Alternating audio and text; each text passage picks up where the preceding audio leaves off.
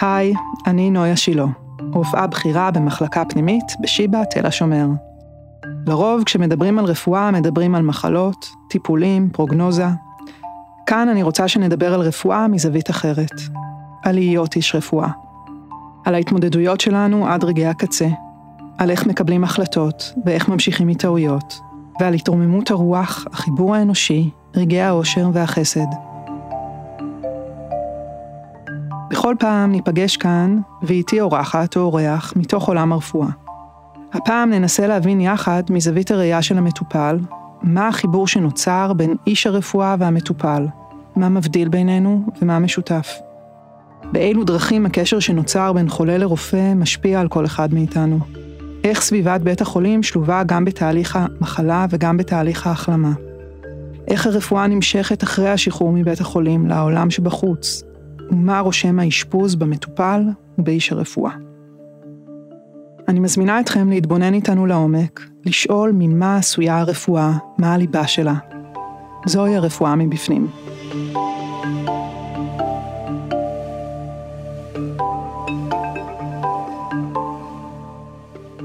והיום האורח שלי הוא פרופסור יורם אשת, דוקטור לגיאולוגיה, פרופסור לחינוך, המחבר של הספרים אדם הולך הביתה וציר תמר, שיצאו לאור בהוצאת כתר. יורם, באדם הולך הביתה, אתה מספר בגוף ראשון את מה שעברת במלחמת יום כיפור. כשפרצה המלחמה היית בסך הכל בן 23, מדריך בבית ספר שדה חצבה, נשוי ואבא לארבל התינוק. גויסת כמילואימניק בכוח החלוץ שצלח את התעלה. אחרי כמעט שבועיים של לחימה נפגעת מטיל, ונפצעת פציעה אנושה. נפגעת בריאה וביד השמאלית הדומיננטית שלך, והפגיעה העיקרית הייתה פגיעת ראש. בספר אתה כותב על הפציעה ועל השיקום הארוך שעברת אחריה, על הדרך שלך חזרה לחיים, שהתחילה עם דוקטור אלירז הרופא בתאגד, הוא גם איש הרפואה היחידי שבחרת לחשוף בספר בשם האמיתי שלו. כשבהחלטה האינטואיטיבית שלו לטפל בך, כנגד כל הסיכויים וכל מה שלימדו אותו, זכית בחיים שלך בחזרה. אתה כותב על המחלקה הנוירולוגית באיכילוב בה נחתת ונותחת, ואתה כותב על המעבר למחלקת השיקום בירושלים, והמשך תהליך השיקום הפלאי שלך בבית ובחיים החדשים שלך. הספר מגלה את הדרך שלך, את האופן שבו למדת את עצמך, חצבת בסלע את המסלול האישי שלך, איך למדת לחיות מחדש, כאדם, כבן זוג, כאבא, להשלים עם עצמך כאיש נכה. לפצות על יכולות שעבדו ולסגל חדשות במקומן. כשקראתי לראשונה את אדם הולך הביתה לפני עשר שנים בערך, הרגשתי שאתה ואני הפכנו לחברים. תודה שהסכמת לבוא לפה היום ולספר לי על הרפואה דרך העיניים שלך. שלום. לא מרגישים את זה, אבל זה תחילתו של הסתיו, רגע לפני שני ימי ההולדת שלך. אה, ואני רוצה שנדבר כאן על הפציעה שבה כמעט נהרגת והפכת אותה ליום שבו נולדת מחדש. ועל חוויות האשפוז הארוך ועל מה שבין הצלת חיים לבין שיקום. ועל הרפואה שבתוך כתלי בית החולים ועל הרפואה שבחוץ. על הרפואה האישית שמצאת לך ועל אנשי הרפואה שפגשת בדרך. ואם יספיק לנו הזמן, אני מזמינה אותנו לדבר גם על כתיבה. על מלאכת האילוף של המחשבה הסוררת. שהיא ההזדמנות לספר לעצמנו את המציאות מחדש. על התפקיד של הכתיבה בריפוי שלך, ועל הרפואה שבכתיבה, שאפשרה לך להתאהב במציאות המרה. שלום יורם. שלום. אהלן, מה שלומך? בסדר, אין כמו יום סתווי בירושלים. אין כמו יום סתווי כן, בירושלים, בדיוק. לגמרי, לגמרי, זה כמו חו"ל בשבילי. בדיוק. אה, בוא נתחיל אולי ממה שנחשב רפואה שלא מתווכחים עליו בכלל, בעצם על חוויות בית החולים שלך. אה, ובדרך כלל אני אוהבת להקריא מפתקים שלי, אבל הפעם ברשותך אני אקריא מפתקים שלך. אוקיי. הבאתי פה אה, חלקים מתוך אדם הולך הביתה שהם כל כך אה, מדויקים ומציירים אה, מציאויות ש, שכל מי שהיה בבית חולים מכיר אותם. ואולי נתחיל אה, מחוויות בית החולים. יש איזה, כשאתה חושב על בית חולים, יש שם איזה רגע מסוים שאתה זוכר אותו בצורה הכי חדה והכי אה, צלולה.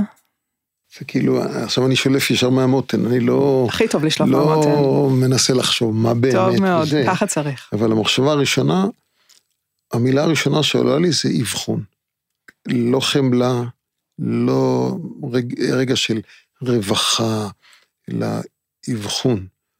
זאת אומרת, אבחון ופחד גדול, ואילמות, אלה המילים. וכבר למדתי להקשיב למילים שאני אומר, כן. ואני אומר לעצמי, לא אמרתי אסירות תודה, Hmm. לא אמרתי, באסירות תודעה אתה גם אסיר. בבית החולים אני מדבר, לא, כן. אם כי אני אסיר תודה גדול. אני אוהבת להגיד אשיר תודה. השיר זה יפה, כן.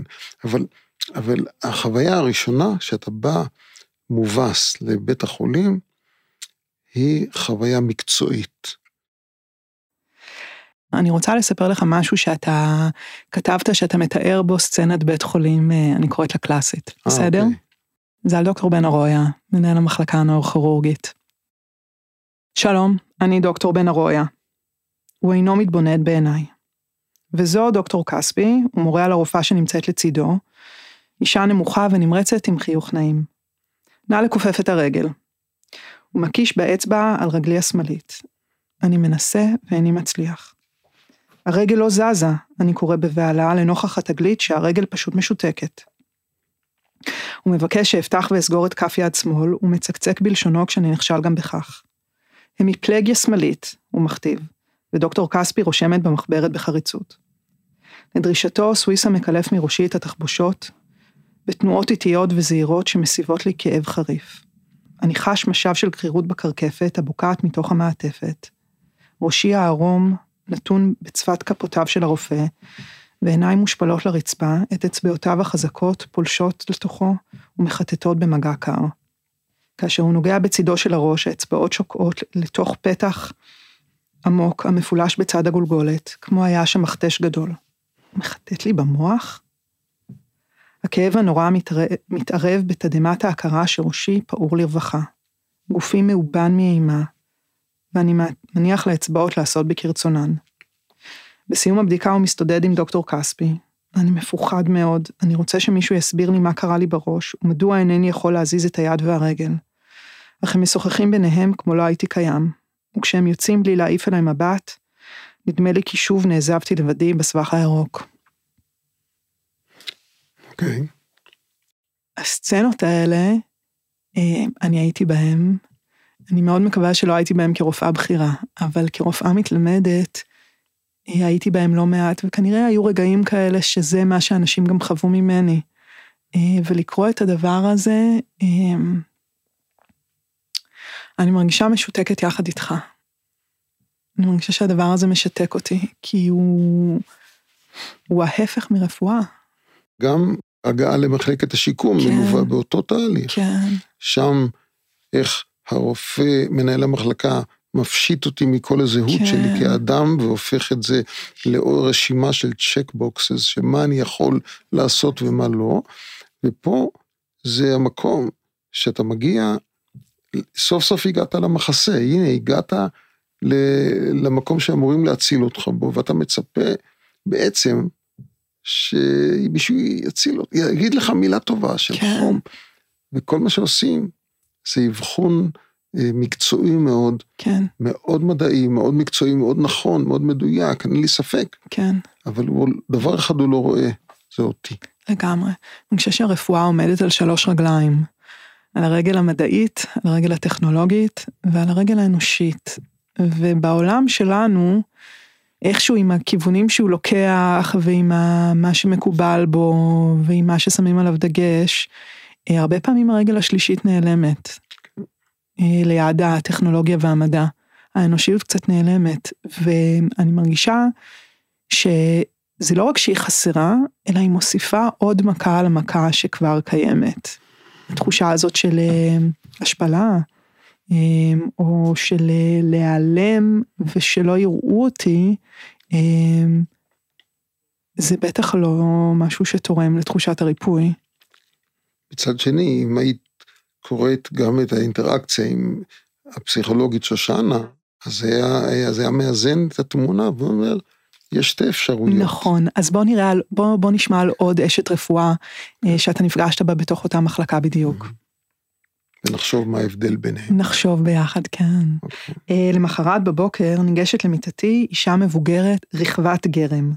יש לה שיער בהיר מטולטל, צבוע, ומבטאה הונגרי מזכיר לי את הנשים מהרחוב שהייתי רואה במרפסות יום שישי משחקות קלפים. ברגע הראשון, אני חושב שהיא אמו של אחד הפצועים במחלקה. אבל להפתעתי היא אומרת שהיא הפסיכולוגית של המחלקה, ושואלת אם אני מוכן שהיא תשב לידי. מה פתאום פסיכולוגית? אני נרתע. בסדר גמור. היא מניחה כף יד על זרועי, ידה חמה ויבשה, ואני נרתע ממגע הקרבה. אבל קולה שקט ומזמין, והיא עוד מבקשת רשות לשבת לידי. אז מותר לי לשבת? היא מבקשת שוב, ואני נכבש בעיקשותו של קולה החם ומהנהן בהיסוס. היא מושכת כיסא ויושבת קרוב, ראשה סמוך לראשי. היא מביטה לי ישר בעיניים כשהיא מדברת. פתאום היא אומרת, בדיוק התכוונתי להכין לעצמי משקה חם, רוצה כוס קקאו? אבל הרופא אמר שאסור לי עדיין דברים מתוקים, אני מתגונן. לא נורא, היא רוקמת איתי מזימה. ולאחר כמה דקות היא חוזרת, ועל המגע שבידה שני ספלי פלסטיק של בית חולים, עם קקאו מעביל, ולידה מונחת חפיסת שוקולד. תרופה בדוקה לימים עצובים של חורף, היא ממליצה. אינני יודע מדוע, אולי בגלל הקקאו החם, ואולי בגלל החום האימהי שקורן ממנה, אבל אט אט אני חש שחומות החשד שהקמתי מולה מתפוגגות. ואז, כמו משום מקום, היא אומרת, אף פעם לא הייתי במלחמה. מעניין איך זה נראה. אני חש שהיא מקשיבה לי מרותקת, שממש אכפת לה ממני. זו הפעם הראשונה שמישהו מתעניין באמת במה שהיה שם, ואני משתוקק להמשיך לספר לה. כל כך הרבה מחשבות מתרוצצות בראשי, אך הן מאולפות מעשן סמיך והדי יריות, ואינני יודע כיצד לנסחן במילים. וככל שאני מנסה, הן הולכות ומתפוגגות.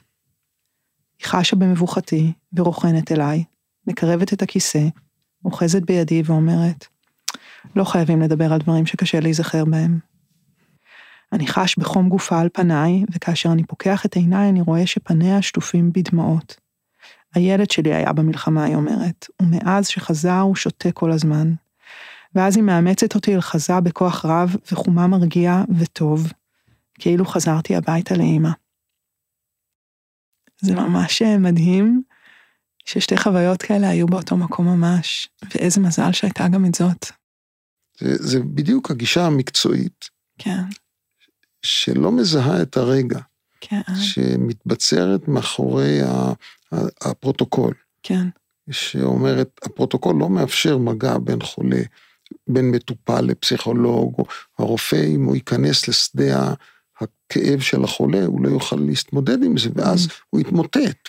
המתח הוא בין ללכת עם הכללים, שאני ממש בעדם, ובין לשבור אותם, שאני גם בעד זה. כן. ואף אחד לא יודע מה הרגע נכון. נכון. כל אחד חי עם המצפון שלו, הבעיה שהמשפט הקשה הזה, אני רק עושה את העבודה שלי, או אני, זה הכללים, אין לי מה, אין ברירה, הוא משפט קשה, הוא קשה לי.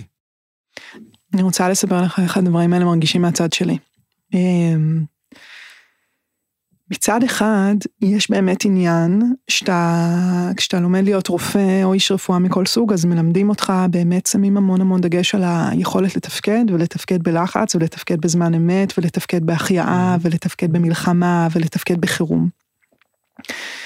ומצד שני, אמ, זה, הרבה אנשים, אני חושבת שכשהם הולכים ללמוד רפואה, הם מדמיינים לעצמם גם את הדבר היותר אנושי, חומל ואפילו רומנטי, שבו הם הם האיש במקום שאין בו אנשים. נכון.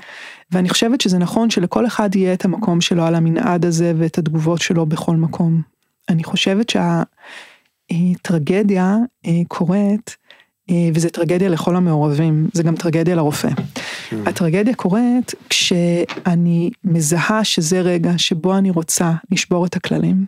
ואת לא עושה את זה. ולהיות חומלת, ולשים יד, ולחבק, ולהיות בן אדם, ואני לא עושה את זה הם, כי אני שחוקה, כי אני עייפה, כי אני מפחדת מהזדהות יתר.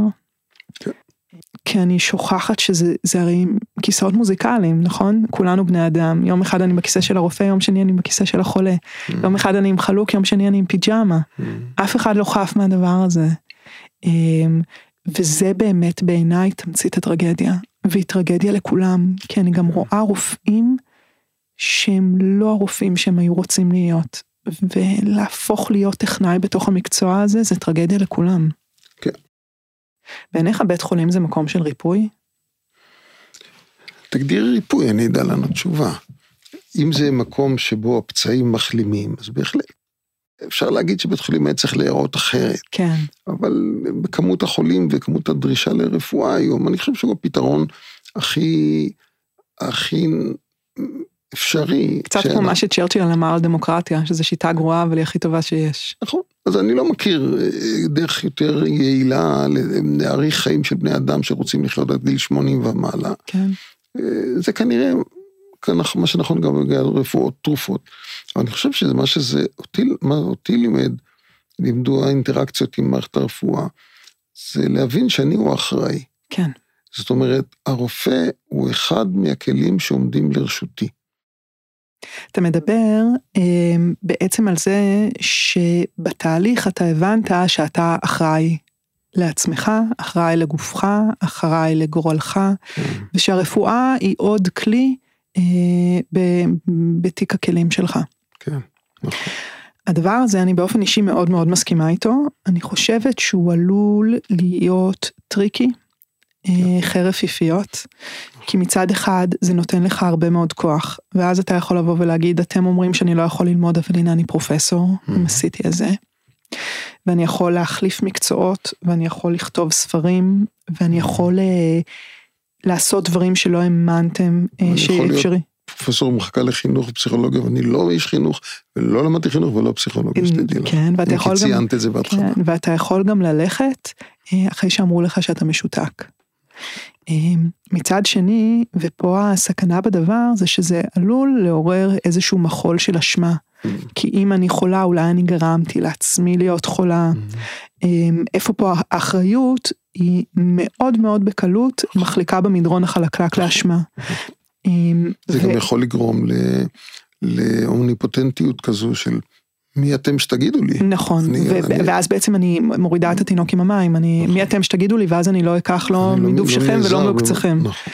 אז אני באמת אה, שואלת, אתה יודע, ואני שואלת אותך את זה ברמה האנושית, כי אני, בעצם מה, מה הדרך שלך שם? זאת אומרת, איך אתה אה, מצליח להגיד אני אחראי לגורלי בצורה שכל כך מחזקת אותך אה, ולא מכניסה אותך לסיבובים של אה, אשמה או של אני לא יודע, הכאה על חטא. אני, מה ש, מה ש, כשאני מסתכל, אין לי, אין לי, אין לי איזה מין נוסחאות כאלה, או מין שיטת יורם ל, להתמודדות עם חוויית כן. אבל יש לי תובנות שאני מנסח לעצמי, והכתיבה היא כלי לנסח אותה. כן. רק...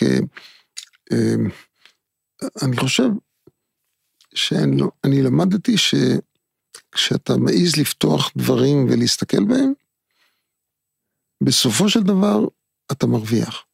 כשאתה מתבצר מאחורי ה... ה... במחפורות הבטוחות האלה של אמיתות שבנית לך, אתה הופך לקורבן שלהם. אוקיי. Okay. ואז למדתי מין משהו כמו על החיים ועל המוות לקפוץ.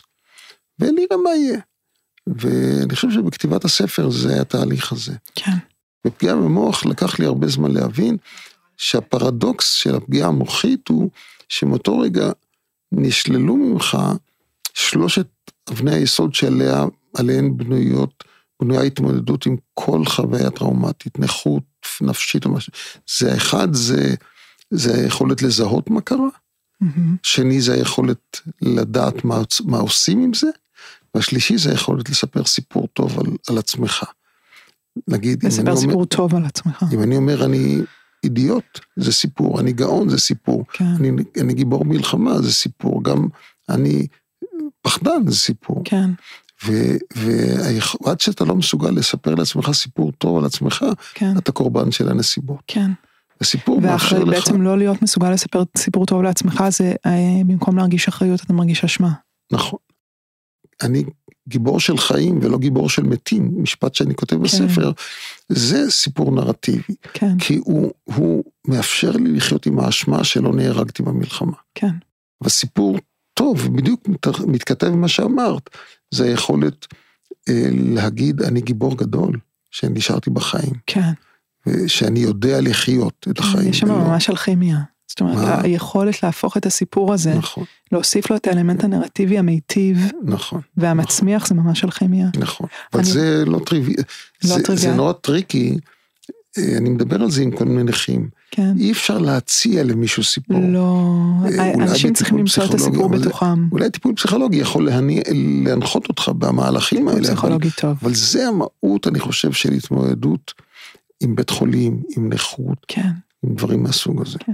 אני רוצה, אני זיהיתי אה, באופן שבו אתה מספר על החוויות בית חולים שלך, זיהיתי כמה כלים רפואיים שאתה השתמשת בהם, אה, שבעיניי היו מאוד אה, מעניינים, ואנחנו לא מלמדים אותם ולא לומדים אותם, ואני רוצה שנתעכב עליהם רגע. Okay. אוקיי. הכלי הראשון זה כעס. אה,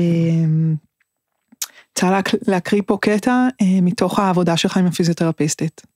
אוקיי. Okay. אה, אני מתרכז ומנסה שוב, אך אינני מצליח. ללא הכאב החריף, הרגל אינה שייכת לי. דבר אליה, תגיד לה לזוז, אל תוותר עליה, ליז פוקדת. ואני חוזר אחריה, זוזי כבר רגל, אני מצווה עליה בליבי. זוזי כבר לפנים. יופי, ליז קשובה לחריקת גלגלי מוחי, היוצאים לדרכם בסיבובים עצלים, מעודדת אותי להמשיך. תגיד לה להתרומם לפנים, תכריח אותה. אני עוצם עיניים ומאלץ את עצמי לדמיין את הרגל נמשכת למטה, הישר מהמותניים ומתרוממת באצבעות מתוחות כמו במצעד. וממרחק אין סוף שנות אור, מוחי מצווה עליה לזוז ממקומה. טלקינזיס, אני אורי גלר, מכופף רגליים בכוח המחשבה. נפלא, קולה של ליז משולהב באוזניי, תמשיך כך, תקלל אותה, שתזוז הכלבה. בקולה יש כעס גדול, אמיתי, היא מתייחסת באופן אישי לרגל הסוררת שלי. נעלבת בשבילי. והכעס שלה מדבק, מאיר בקרבי חזיזי זעם, תסכול וחמת כישלון, ואז אני פונה אל רגלי המורדת, מקיע עליה את כל מררתי וצועק, זוזי כבר, יא בת זונה, זוזי חתיכת חרא. אתה גדול, תמשיך, קולה של ליז מהדהד בין הקירות. מלא חרדה וזעם, אני מגדף את רגלי השנואה, האילמת, שנטשה את גופי, גוזר עליה חרמות ומשליכה מעליי במיאוס. ומבעד לסנוורי כעסי נשמע קולה של ליז באוזניי, היא נכנעת הכלבה, תראה, היא נכנעת. אני פוקח את עיניי, מתבונן מטה, ואכן הרגל נמתחה לאיטה בסלואו מושן, נכנעת לרצוני לכוחות מחשבתי. זה היה מדהים בעיניי. האמת שהקשבתי לזה באמת אמרתי, וואלה, נכון. ככה זה היה. תשמע, זה מדהים, לבוא ולקחת דבר, בחור בן 23 שקרה לו חרא של דבר, שהוא נפצע פציעה נוראית, שקטעה לו את החיים, שכמעט גמרה לו את החיים, יש בו המון כעס. ולקחת את הכעס הזה ולרתום אותו לריפוי, זה כלי אדיר, אדיר. אני לא שמעתי עליו אף פעם. טוב, זה, זה, זה צריך לזקוף לזכותה, וגם לאופ, לזכות האופן שאני איבדתי בעין את, ה, את הסיפור הזה, כן. שהוא, אבל הוא בדיוק זה, ליצור מין engagement כזה של ההתלהבות והכעס והזה, יא חת חת חת, נו תלכי כבר, כן. אני עד היום, אני, מתאים לי האופן הזה. נכון, של, היא ממש זיהתה אותך, נכון? אה, התלהבות כן. ממשהו. כן, כן וידעה נכון. להתאים את זה אליך, אתה יודע. נכון. ועוד כלי שהוא בעיניי נורא נורא חזק ברפואה ולא הרבה מדובר, אה, זה תקווה. תקווה כשהיא נוכחת וכשהיא לא נוכחת. אה, ואני רוצה לתת פה איזושהי דוגמה לאיפה לא הייתה תקווה. טוב, בואו נראה מה הוא יודע לעשות. והוא שולף ממגירת המכתבה גיליון לבן שרשומים בו המון משפטים עם סימני שאלה בסופם ולצידם משבצות. הוא יכול לכפתר מכנסיים לבד? הוא פונה לנוגה מעל ראשי. לא, היא עונה. לכפתר שרוולים של חולצה? לא. לשרוך נעליים? לא. לשבת? כן. ללכת לבד? מעט ורק עם טריפוד. לאכול לבד? לא. לתת צואה? רק בסיר. לתת שתן? כן, בבקבוק. לדבר? כן. להתמצא בדרך? לא יודעת. הוא מקפיד לציין כל תשובה ב-V או במינוס קטן שהוא רושם בעת אדום במשבצות שבטופס, וככל שהרשימה מתארכת, אני חש איך תוכי מתכווץ, מוגדר, מקוטלג, מתויג, ונולד מחדש בתוך סימני ה-V והמינוס ההולכים ומסתמנים על הדף.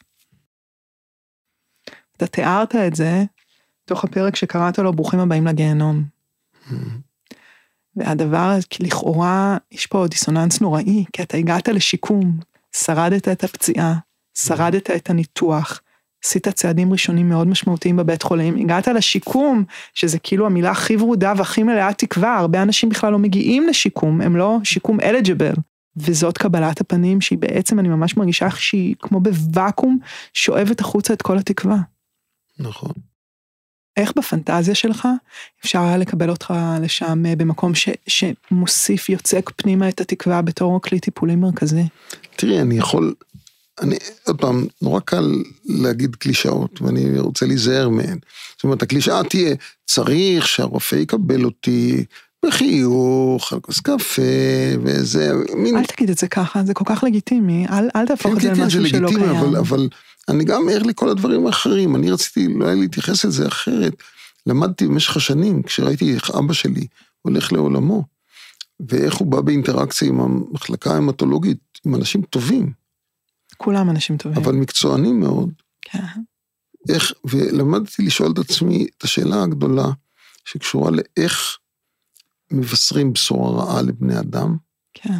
ואיך, אמ, אמ, ולהגיד שיש מפגשים, שמפגשים שנועדו לכישלון מראש. אי אפשר לבשר לאדם שהוא הולך למות בכיף. בחיים, רגע, יודע, בחיים זה לא יצא טוב. אתה יודע, I beg to differ.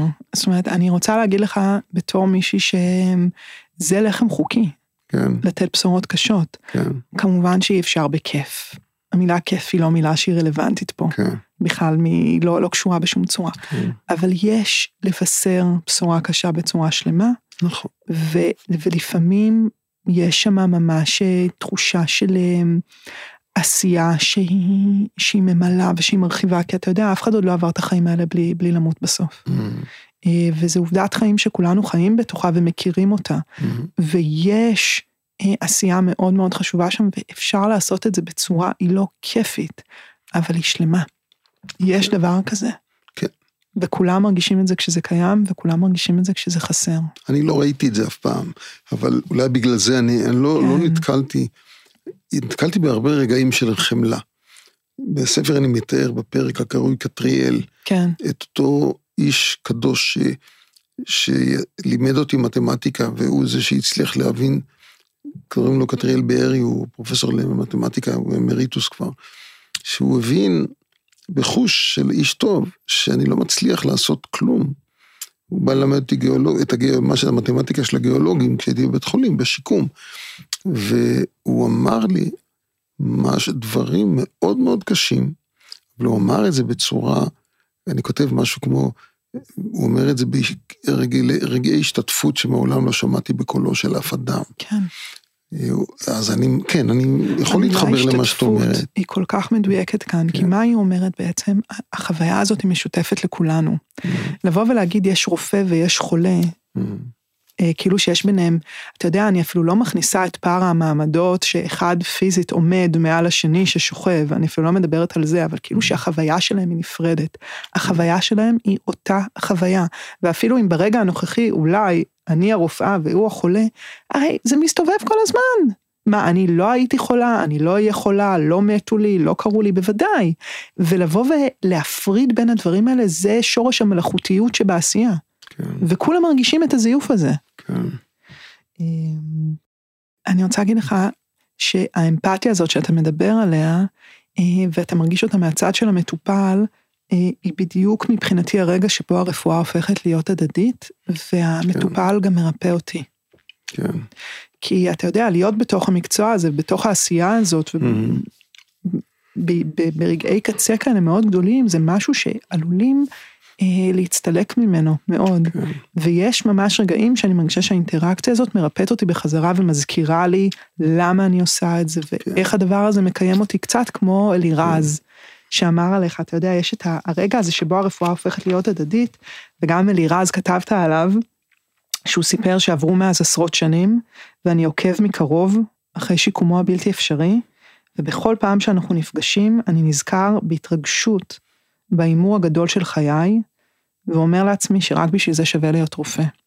ואני, יש לי אה, לא מעט רגעים שאני ממש שומרת אותם בתוך אה, נייר צמר גפן בתוך uh, קופסאות מוגנות של הרגעים שבגללם היה לי שווה להיות רופאה.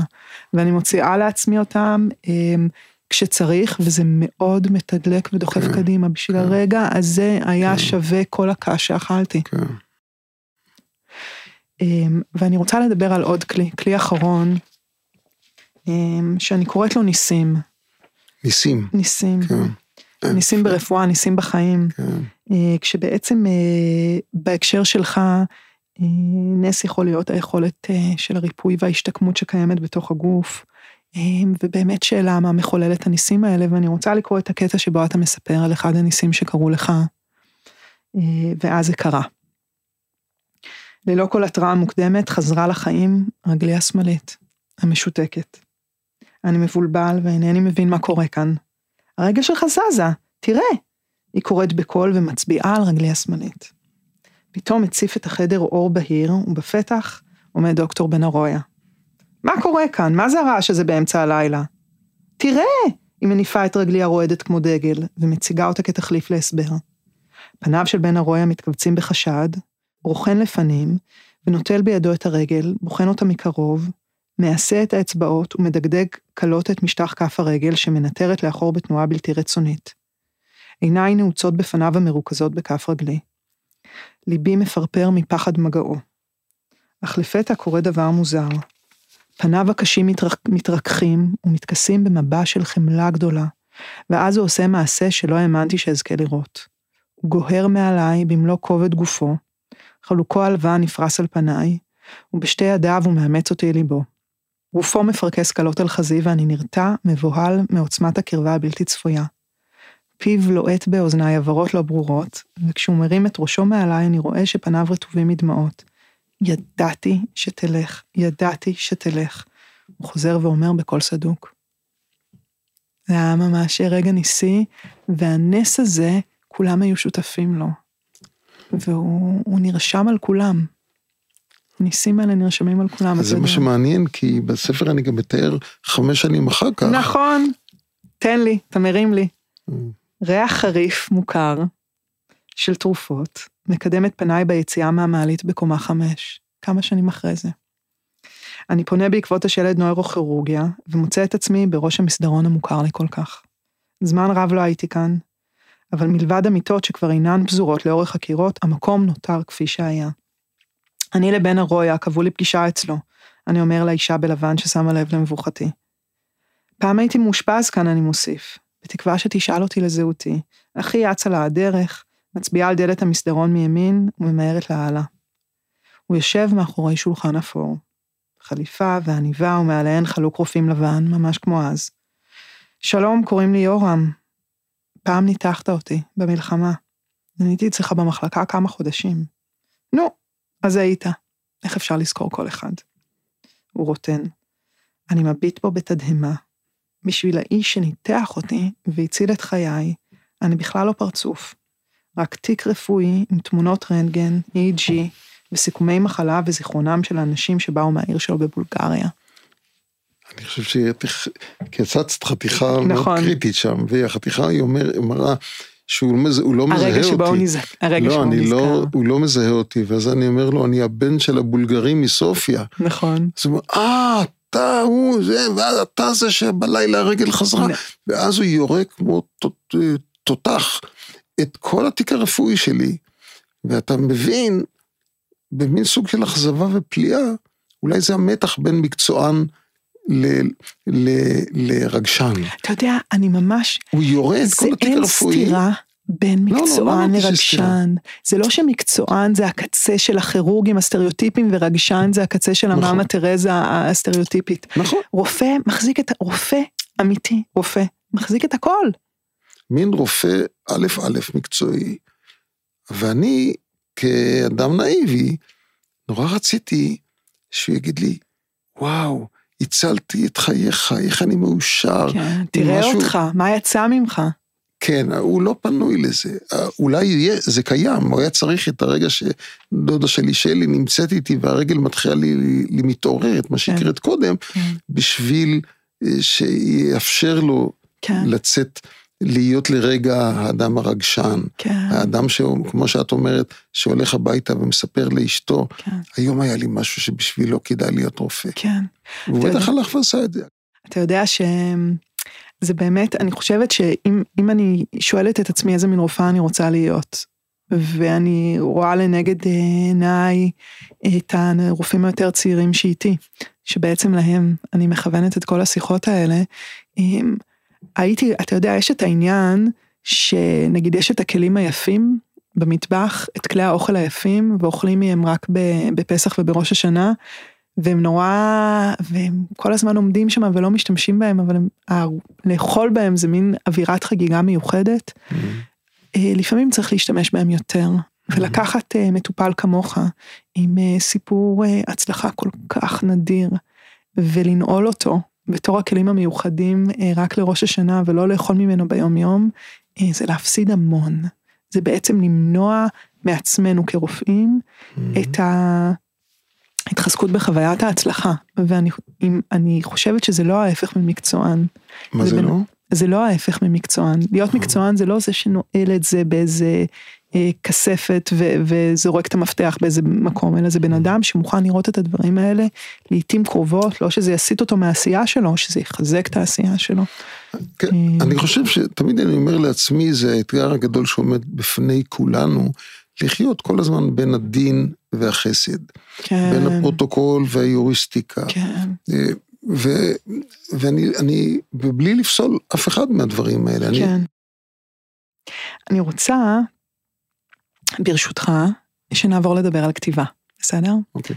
אמ, יש, יש אה, עניין, אמ, אני כותבת פתקים על המטופלים שלי, אני לא סופרת, אני לא הוצאתי אותם בשום צורה, עד לא מזמן אפילו אף אחד לא ידע עליהם, הייתי מקריאה אותם למתמחים שלי או לאחיות שאיתי כדי לעזור לכולנו לאבד את החוויה.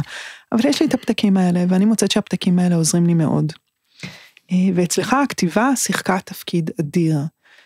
קודם כל בפיזיותרפיה אתה למדת, אה, אתה אימנת את יד ימין לכתוב דרך העתקה של מילים ושל ספרים, וגם את החלק מאוד גדול בעצם מההתמודדות שלך היא דרך כתיבה, כתיבת הספר. אה, ואני רוצה להתחיל, לקרוא לך איזושהי, להתחיל מפסקה שכתבת על כתיבה, אה, ולשמוע ממך קצת על מה זה כתיבה בשבילך. אתה כותב בדיעבד, עד היום אני מתקשה לכתוב ביד ימין. כתב ידי בלתי קריא, ותמיד נאלצתי להקליד באצבע אחת את כל מה שרציתי לכתוב. אבל בכל פעם שאצבעי רצה על המקלדת, עולה בי זכרו הקסום של הסרנדיפיטי הגדול של חיי, הרגע שבו מתוך האימון הבלתי פוסק של ידי הימנית בכתיבה, נתבו האותיות למילים, המילים למשפטים, והמשפטים למשמעות שנוצרה בקצה עפרוני המעתיק ללא הבחנה אותיות מהספר פרשיות עלומות. לכתיבה בעיניך יש כוח מרפא? זה אחד מהכלים לצד כעס ותקווה אני הייתי וניסים? מבחין בשני דברים, לעשייה בעיניי יש כוח מרפא, אז אפשר, אפשר לעשות מהלך כזה שמבחינתי הוא התבוננות. התבוננות על השיקום מכל מיני זוויות. אבל אני חושב. שבעיקר החלק האחרון הוא החלק שאורז את הכל מבחינתי, רק בדיעבד הבנתי שהוא ארז את כל ההתחלה והסוף של הסיפור. כן, לא יודע. שם הסיפור. הופך להיות תמונה. לא במובן הזה בלבד, אלא המשפט הפותח של הסיפור, של הספר, והמשפט הנועל של הספר, רק אחרי זה חמש-שש שנים, פתאום גיליתי את ה... שהם אה, מספרים את כל מה שקורה לאדם שמספר סיפור לעצמו. ובעצם את תהליך הריפוי שבכתיבה.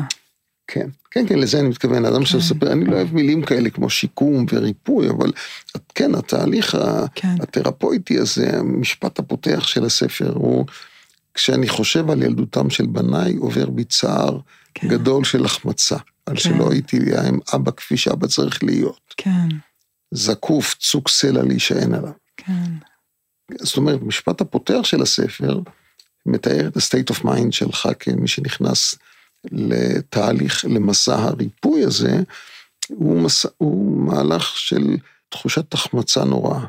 המשפט המסכם של הספר, האחרון בספר, הוא שאני חוזר עם הילד מהגן, הוא אומר לי, אבא, אני רעב, בוא נאכל, וכך ידך בידי, אנחנו נכנסים הביתה וסוגרים את הדלת. הבית מואר ואני מפויס. עוד מעט נוגה תחזור מהלימודים וכולנו נאכל ארוחת ערב. כן. כאילו מה שמתחיל בהבעת עמדה חמוצה על ההורות שלי, מסתיים בפיוס מאוד גדול עם עצמי. ויותר מזה, אני, התפיסה של, אתה מבין שבמהלך הכתיבה, התפיסה שלך כהורה השתנתה מזה שאבא טוב הוא גבר גבר, ואני לא כזה, ובסוף, אבא טוב הוא אימא. Hmm. ואני כן כזה. Hmm. זה וזה... ממש אה, סיבוב של הקליידוסקופ. נכון. המציאות היא אותה מציאות, נכון. אתה רק מסובב כן, כן, וכל הצבעים משתנים. זה בדיוק מה שאני מנסה להגיד, וזה קורה, זה מה שכתיבה עושה.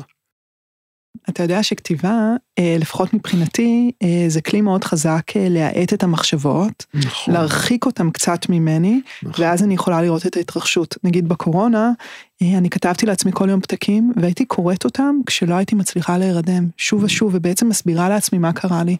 וגם היום, בחינוך הרפואי, אנחנו מלמדים סטודנטים לכתוב יומנים רפלקטיביים, שזה בעצם ממש ללמד את המיומנות הזאת. הם בטח שונאים את זה נורא, הסטודנטים. ככה וככה, אני חושבת שזה מאוד מאוד תלוי בין אישיותו של כל בן אדם, כן. היכולת שלו להתקרב לזה, וזה כן. גם מאוד תלוי במשוב שהם מקבלים על זה. כן. אבל בעיניי זה כלי מאוד חשוב, לא חייבים להשתמש בו, אבל כדאי להכיר אותו. יש לי משפט שאני נוהג להגיד אותו לסטודנטים שמקטרים. הכתיבה היא הדרך הכי יעילה למשמע את החשיבה. כן. למשמע במובן של שני דברים. אחד זה לתת במשמעות, mm, והשנייה נכון. זה להטיל במשמעת. נכון. המחשבות הולכות לכל עבר. אתה חושב על המון דברים. כן, רק כשאתה מתחיל לכתוב, אתה מאתגר את החשיבה שלך, האם באמת יש איזה תוקף למה שאתה... נכון. האם נדמה לך, מה שנדמה לך שאתה יודע, נכון. באמת, עד שאתה לא כותב אותו, אתה לא יודע אם אתה יודע. נכון. והכתיבה היא כמו צנטריפוגה, גם ציינתי כן. את זה כן. בספר, את המטאפורה הזו. היא, היא מין דרך שמעיפה החוצה את הטפל.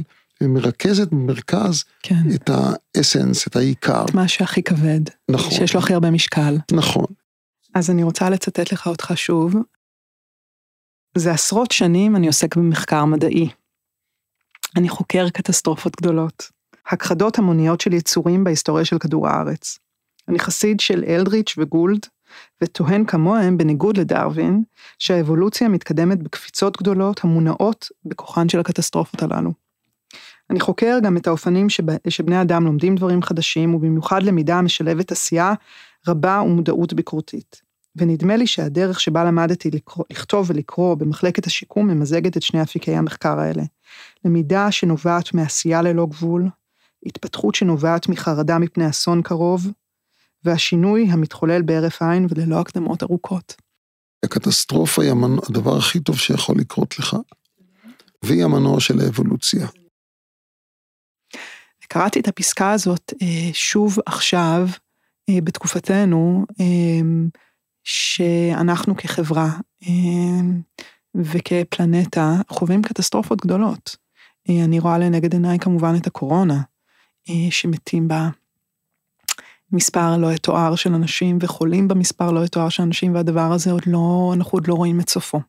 איך אתה רואה את זה אה, עם כל אה, המסלול שעשית? תראה, אני, אני כשאמרת את זה, אני תמיד חושב שכשכואב לנו ברגע מסוים משהו, נדמה לנו שזה כל העולם. אין דבר יותר נורא מזה. Mm-hmm. אבל אני לא חושב שהקורונה, אפשר להשוות אותה לקטסטרופה. כמו אלה שאני חוקר, אוקיי. שבמהלכן okay. כמעט 100% מהאורגניזמים בכדור הארץ נכחדו. Mm-hmm, ברור. שזה, אני חושב שכן אפשר, הקטסטרופות האמיתיות זוחלות כמו אקלים שמשתנה פה, והכחדה של יצורים היום שאנחנו רואים, כן, ואני במחקרים גם מראה שקצב ההכחדה של יצורים כיום, הוא דומה לקצב ההכחדה של היצורים בתקופה הגיאולוגית שחקרתי. אז אתה חושב שאנחנו נמצאים עכשיו בתקופה של הכחדה המונית? אני חושב שיש סממנים שמנגנונים דומים עובדים פה. אם זה יהיה בסוף או לא, זה רק לשוטים ניתנה הנבואה הזו. אתה מכיר את המונח הזה post-traumatic growth? איך post-traumatic? growth. יש הרי post-traumatic stress disorder ויש כן. post-traumatic growth, שזה בעצם לא. מתאר אה, את האלכימיה שביכולת לספר את הסיפור. קרתה לי הטראומה, קרה, קרה לי הדבר, כן. אבל אם הדבר הזה יהפוך להיות לתסמונת סטרס, או לכלי לגדול באמצעותו, Mm. ויש ענף שלם שמדבר אה. בדיוק על הדבר אז הזה. אני חושב שאני, אז אני אני- חושבת, זה אני מאוד מתחבר לי עם הדברים את שאתה מספר, ממש. חוויה טראומטית, היום אני הפכתי אותה כמו למקצוע, במרכאות אני אומר. לא, אני, במובן הזה של, לא למקצוע, להשראה לאחרים. אני חושב שהשאלה הגדולה באמת, איך מתנהגים, ואולי זה רלוונטי מאוד לרופאים, איך באמת יוצרים אינטראקציה בגובה העיניים עם אדם אחר, כשאין ביניכם גובה העיניים בנקודת אתה ההתחלה. יודע, זה, זאת שאלה שאפשר לקחת אותה להמון אה, קיצוניויות. לדוגמה, אני מטפלת הרבה בחולי סרטן, אבל לשמחתי לא הייתי חולה מעולם בסרטן ולא חוויתי Mm. כימותרפיה. Mhm. האם זה אומר שאני לא יכולה לטפל בבן אדם ש, שיש לו סרטן ועובר את החוויה הזאת? אני חושבת אה, שאין לי דרך לדעת בוודאות מה עוברים כל המטופלים שלי, אה, אפילו אם אני עוברת, עברתי חוויות דומות, אה, ולו בגלל שאני רופאה פנימאית, אה, ורוב האנשים שאני מטפלת בהם הרבה יותר מבוגרים ממני. Mm. חלקם בגיל של ההורים שלי, או אפילו יכולים, כשהייתי יותר צעירה יכולים להיות סבא וסבתא שלי, אלה האנשים שאני מטפלת בהם ואני לא יודעת מה זה לעבור את הגיל הזה. כן. מצד שני, אני מאוד אוהבת את המשפט שכרגע לא עולה לי בראש מי אמר אותו, אה, אבל אמר אני, אני בן אדם ושום דבר אנושי לא זר לי. אה, ואני חושבת אה, שלא רק אה, שזה אפשרי, אלא זה תנאי בסיסי. ככה צריך, מה זה ככה צריך, גם אני לא אוהבת להטיף, אבל אני חושבת שכשאני עושה את הרפואה, כשאני זוכרת את הדבר הזה, Mhm. אמ, אז אני מרגישה הרבה יותר טוב באור של עצמי ובחלוק של עצמי. ואני אגיד לך אפילו עוד משהו, אני ממש הרגשתי שכל, אני זוכרת שכשנולדו הילדים שלי, כל פעם שחזרתי לרפואה אחרי חופשת לידה, אה, נוצר בי איזה משהו, איזשהו חום כזה כלפי האנשים, כי אמרתי, היי רגע, האיש הזה היה פעם תינוק של מישהו. זה מאוד רחוק, אבל הוא היה פעם תינוק של מישהו ומישהו העניק אותו ועשה לו אמבטיה, והמתיקות הזאת, החמידות הזאת של הילדים שלי כשהם היו תינוקות, אה, ממש פתחה בי משהו כלפי האנשים שטיפלתי בהם. כן, אה, אני מבין מה שאת אומרת. כן. אני רוצה לשאול עוד אה, דבר אחד. אני רוצה לשאול אותך כאיש חינוך. אוקיי. אני יודעת שאתה מתעסק בלמידה, אה, אבל עולם החינוך הוא עולם שאתה נמצא בתוכו ומסתובב בו. אה, אני שואלת הרבה מאוד לגבי מה זה חינוך רפואי, אני עוסקת בזה באוניברסיטה, וזו עבודה שאני מוצאת בה הרבה משמעות, אבל אני שואלת את עצמי, מה בעצם המרכיב החינוכי בהכשרה של רופאים? כי הרי אין אה, בחוג לגיאולוגיה חינוך גיאולוגי, ואין חינוך משפטי, ואין חינוך פסיכולוגי, אבל יש את החוג לחינוך רפואי. אה, אני שואלת את עצמי, מה בין חינוך לחניכה, אה, Mhm. ואיך אתה היית ניגש אה, לדבר הזה שנקרא חינוך רפואי בהכשרה של רופאים. אני חושב שזה, קודם כל היינו צריכים להסכים, ואני לא בטוח הייתי מסכים, שאני מחנך אנשים. אני לא כל כך מכיר בזה, אני יותר מכיר בחניכה. כן, זאת אומרת, או בדוגמה אישית, או בחשיפה למצבים. אה, אני מאוד מאוד לא מאמין בדיבורים שבהם מדברים עם הרופא איך צריך להיות, או עם אדם על אתיקה וזה, עד שהוא לא כן, נחשף. זה כמו ללמד שחייה בהתכתבות. כן, בערך. כן, כי יש כן. מצבים שהם יותר, מ, יותר מידע, הם כן. הרבה יותר עמוקים מרק לדעת את העובדות. נכון. ו, ואני חושב שאם נסכים על דבר כזה, שלספר לאנשים, ללמד אנשים מהי ההתנהגות הנכונה, אם נסכים שזה לא יעיל, זה אולי הקריקטורה של הדבר. נכון, למצוא מצבים שבהם אתה נחשף לשאלות אתיות ואנושיות, אה, אקוטיות ואמיתיות. אני חושב שזה חייב להיות נורא מרכזי בתהליך כן, הלימוד, ואני אני מטיל ספק ביכולת לעשות את זה אה, בתיאוריה. כן, כי זה נראה כמו כן. טריוויה. זה נראה רך כזה. כשאני בא ל- בסוף ל- לחולה, כן, אני צריך לדעת על העצמות, על ח- חלקי הגוף, על מבנה הלא יודע מה, נוירולוגי, זה מה שחשוב באותו רגע לדעת. כן. וזה שצריך להיות אנושי לחולה, נו, כולנו יודעים. אתה יודע, זה כל כך נכון מה שאתה אומר, ואני יכולה להגיד לך שהדרך שלי בתוך הדבר הזה, היא שאמרתי, שאני מבחינתי, אה, האופן שבו אני חיילתי לעצמי מחדש את המציאות, זה שאני אמרתי לעצמי, אני מבחינתי, מי שנותן לי את הציונים, זה החולים, המשפחות והאחיות. אוקיי. לא, אה, לא שלא היה לי חשוב לדעת אה, להגיד את התשובה הנכונה כשנשאלתי כן. בישיבת בוקר או במבחן. כן. אבל אמרתי לעצמי שאת הציונים האמיתיים הם נותנים לי, והם יודעים לתת את הציונים האלה, והרבה פעמים זה נעשה באינטימיות, ורק אתה והם יודעים מה היה הציון, ואיך עמדתי במבחן. כן. אבל אה, צריך להיות אה, מוכנים, מה זה צריך? אה, כשאני קשובה למשוב הזה, אני יודעת מתי עשיתי טוב ומתי כן. עשיתי לא טוב, וזה משהו שהוא... אם מוכנים להיות קשובים כן. לסוג המשוב הזה, אפשר בעיניי ללמוד ממנו הרבה על איך אני מתפקדת ומה הדרך שאני עוד צריכה לעשות. כן. יורם, רציתי להודות לך מאוד. תודה רבה שבאת לדבר איתי על איך הרפואה נראית מזווית הראייה שלך, ועל מה זה כתיבה ועל מה זה חינוך, ועל איך בעצם כולנו באיזשהו שלב מתחלפים בכיסאות המוזיקליים שלנו. תודה שהזמנת אותי, כי גם רבה. אני למדתי קצת הרבה מזה. תודה רבה.